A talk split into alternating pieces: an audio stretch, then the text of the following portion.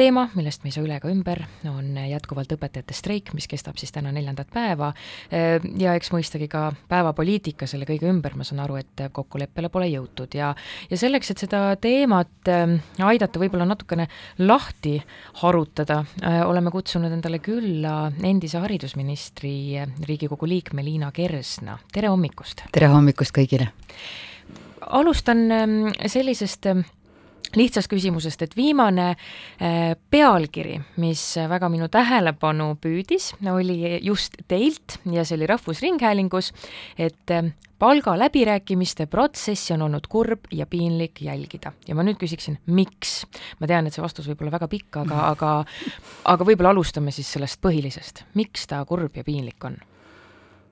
Esiteks äh, seetõttu, et äh, minu hinnangul on õpetajatele antud selles protsessis äh, põhjendamata lootusi. kõigepealt me lugesime uudistest seda, kuidas justkui ministeerium ja, ja õpetajad on kokku leppinud, et õpetajate miinimumpalk tõuseb kaheksa protsenti, hoolimata sellest, et riigieelarve arutelud alles käisid ja kokkuleppeid ei olnud sõlmitud mina ei olnud laua taga, võib-olla oli ka pealkiri selline, et, et tegelikult selles justkui kokku ei lepitud, igal juhul pealkiri oli ja ja siis saadi hoopis üks koma seitsekümmend seitse protsenti alampalga tõusu. tegelikult ju tõusis ka diferentseerimisfond seitsmeteistkümnelt protsendilt kahekümnele protsendile, mis on märkimisväärne, aga siiski alampalk üks koma seitsekümmend seitse. siis, kui juba olukord läks pingsaks, siis lubati äh, kompromissina eh, pikaajalist eh, kollektiivlepingut, milleks jälle ei olnud valitsuse mandaati, mis jälle tõstis ootused kõrgemaks, et me, et meil on võimalik kokku leppida eh, pikemaajalises palgatõusus, kuigi mandaati ei olnud, nii et selles mõttes on olnud seda kurb ja piinlik vaadata, et minu meelest on äh, on äh, solgutatud õpetajaid äh, liiga pikalt ja ma ei ole näinud ühtegi tõsiseltvõetavat kompromissettepanekut valitsuse poolt õpetajatele. Liina Kersna, te olete Reformierakonna liige, Reformierakonna saadik, noh, neid lauseid on, ma kujutan ette, teil päris raske siit äh, hetkel öelda meie Kuku stuudios, sest et Kaja Kallas, teie erakonna juht, on ju peaminister, tema võimuses oleks justkui see probleem lahendada ja teid ju kuulda võtta valitsuses on kolm osapoolt ja, ja selgelt selle protsessi eest äh, vastutabki valitsus äh, kui äh, kollektiiv no selline mulje väljapoole väga ei kipu jääma. sotsiaaldemokraadid ja Eesti kakssada räägivad ju sellest, et Reformierakond on ikkagi ma ei taha nüüd öelda süüdi, aga, aga ei astu neid samme selleks, et seda siis olukorda lahendada, et õpetajad tagasi tööle läheks ma ootan valitsuselt äh, vähem hädaldamist ja rohkem äh, lahendusi äh, tekkinud probleemile, ma ootan valitsuselt vähem üksteise peale sõrmega näitamist ja rohkem koostööd, et see probleem on vaja ära lahendada, meil on täna paljud koolimaja uksed lukus, et lihtsalt nii ongi, et nädal aega koolimaja on suletud. ja samal ajal on meil ka koole, kus lapsed käivad, mis ei, mis ei streigi, kus õpetajad ei streigi, kus lapsed saavad rahulikult haridust omandada, olgu nädal aega, selle eh, elab meie haridussüsteem veel üle, kuigi lõpuklasside jaoks on ka see juba päris suur eh, kaotus. aga mina ministrina või tähendab, mina, kes ma olin minister Covidi ajal, ma mäletan väga hästi neid uuringuid, mis ütlesid, kui tõsine on eh, selle eh, tagajärg, kui me paneme koolid kinni, et see ei ole naljaasi, et ma tõesti eh, ootan valitsuselt eh, mingisuguseid kompromissettepanekuid. kuulajale siis meeldetuletuseks vahepeal, et meil on külas Liina Kersna, kes nagu ise just mainisite, Covidi ajal ju käis, ütleme selline tihe võitlus nii valitsuses kui ühiskonna ees, et kas need koolid siis jätta kinni, jätta lahti või, või panna kinni. mida oleksite teinud teisiti võib-olla Kristina Kallasest, et mitte tingimata kas kritiseerida seni tehtud tööd, aga mida oleksite praegu teinud teisiti? esiteks, koalitsioon on võtnud eesmärgiks eh, jõuda saja kahekümne protsendini riigi keskmisest õpetajate palgaga aastaks kaks tuhat kakskümmend seitse. ja minu hinnangul oleks pidanud eh, ka õpetajatega läbirääkimistel jõudma selleni, et me vähemalt ei kaugene sellest eesmärgist. täna on niimoodi või tänaste otsuste valguses aastal kaks tuhat kakskümmend neli õpetajate keskmise palga suhe riigi keskmise palgaga väheneb võrreldes eelmise aastaga. minu kompromissettepanek on olnud ja on ka täna, et äh, me peaksime vähemalt hoidma seda suhet ja selleks oleks vaja juurde viis koma kuus miljonit eurot, et, et see suhe jääks sarnaseks eelmise aastaga, et see oleks olnud miinimum, mida teha, aga teine selline kompromissvariant äh, minu hinnangul, mida võiks pakkuda, on see, et ka Haridustöötajate Liit ütleb, et äh, nemad muretsevad selle pärast, et meil on täna väga palju ilma kvalifikatsioonita õpetajaid. Ja tõesti andmetesse sisse vaadates selliseid õpetajaid, kellel ei ole kas kutset või vajalikku magistrikraadi, on suurusjärk kolmkümmend protsenti kõigist õpetajatest. täna me maksame kõigile õpetajatele, kas ta on põhiharidusega, keskharidusega, bakalaureusekraadiga, seda õpetaja miinimumpalka seda palka, mida saab ka eh, kogenud õpetaja ja kvalifitseeritud õpetaja, et teise variandina ma pakun, et me teeksime vahet, et me tõstaksime kvalifitseeritud õpetajate palka, mitte kõigi õpetajate palka. Brita küsis selle kohta, mida te teeksite siis Kristina Kallase asemel, aga mul on jäänud mulje, et äh, selle noh, jutumärkides öeldud kasinuspoliitika taga on sageli Reformierakond või nii-öelda siis Excelis numbritega järje ajamisel. ka kui ma õigesti mäletan, septembris sellest ähm, Äh, riigitöötajate palga külmutamisest eeskätt rääkis äh, rahandusminister Mart Võrklaev, seda ei tehtud, aga, aga vähemalt üheks aastaks äh, siiski palgad noh, külmutati ja vaid õpetajate palgad siis kasvasid tegelikult. ja ma saan aru, et teie hinnangul oleks pidanud siis õpetajate palgad veel rohkem kasvama, samal ajal kui päästjate ja teiste riigitöötajate palgad oleks jäänud samaks kui me räägime kasinuspoliitikast, siis äh, haridusvaldkond on tõesti üks väheseid valdkondi, kes sel aastal on saanud märkimisväärselt rohkem raha kui eelmisel aastal.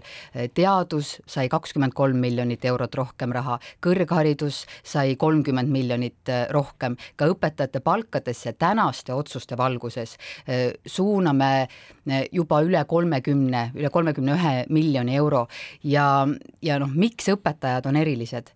Õpetajad on erilised ja nad praegu eh, rõhutavad ka sellele ja ka uuringud näitavad, et ühiskondlik mõistmine on väga kõrge, et miks õpetajad streigivad, sest õpetajate töö on äärmiselt tähenduslik töö ja pika mõjuga töö ja nad on kõrgharidusega spetsialistid, paljudes valdkondades eh, ei, ei ole nõutav kõrgharidus, õpetajate puhul see on. ma arvan, et Kristjan Kallas nõustuks teiega ma arvan, et ta kirjutaks kõigele alla, mis te praegu räägite, aga sedasama mõtet peaks äkki rääkima siiski teie enda erakonna valitsuskabineti liikmetele mina ei ole kuulnud Kristina Kallast rääkimas nendest kahest kompromissist, mida mina välja pakkusin ja oma erakonna fraktsiooni ja valitsuse liikmetega ma olen nendel teemadel rääkinud. kas riiklik lepitaja mitte ka ei pakkunud midagi sarnast vist välja, et, et vastavalt siis kvalifikatsioonile õpetajate palku tõsta? jaa, pakkus küll ja see läks ju noh, nagu me mäletame, kuidas see läks, ega sealt midagi välja ei tulnud, milles see nüüd asi siis oligi, miks riiklik lepitaja äh, ei suutnud siis lõpuks õpetajaid ja ja nii-öelda riiki lepitada, oli vist ikkagi summa lõpuks,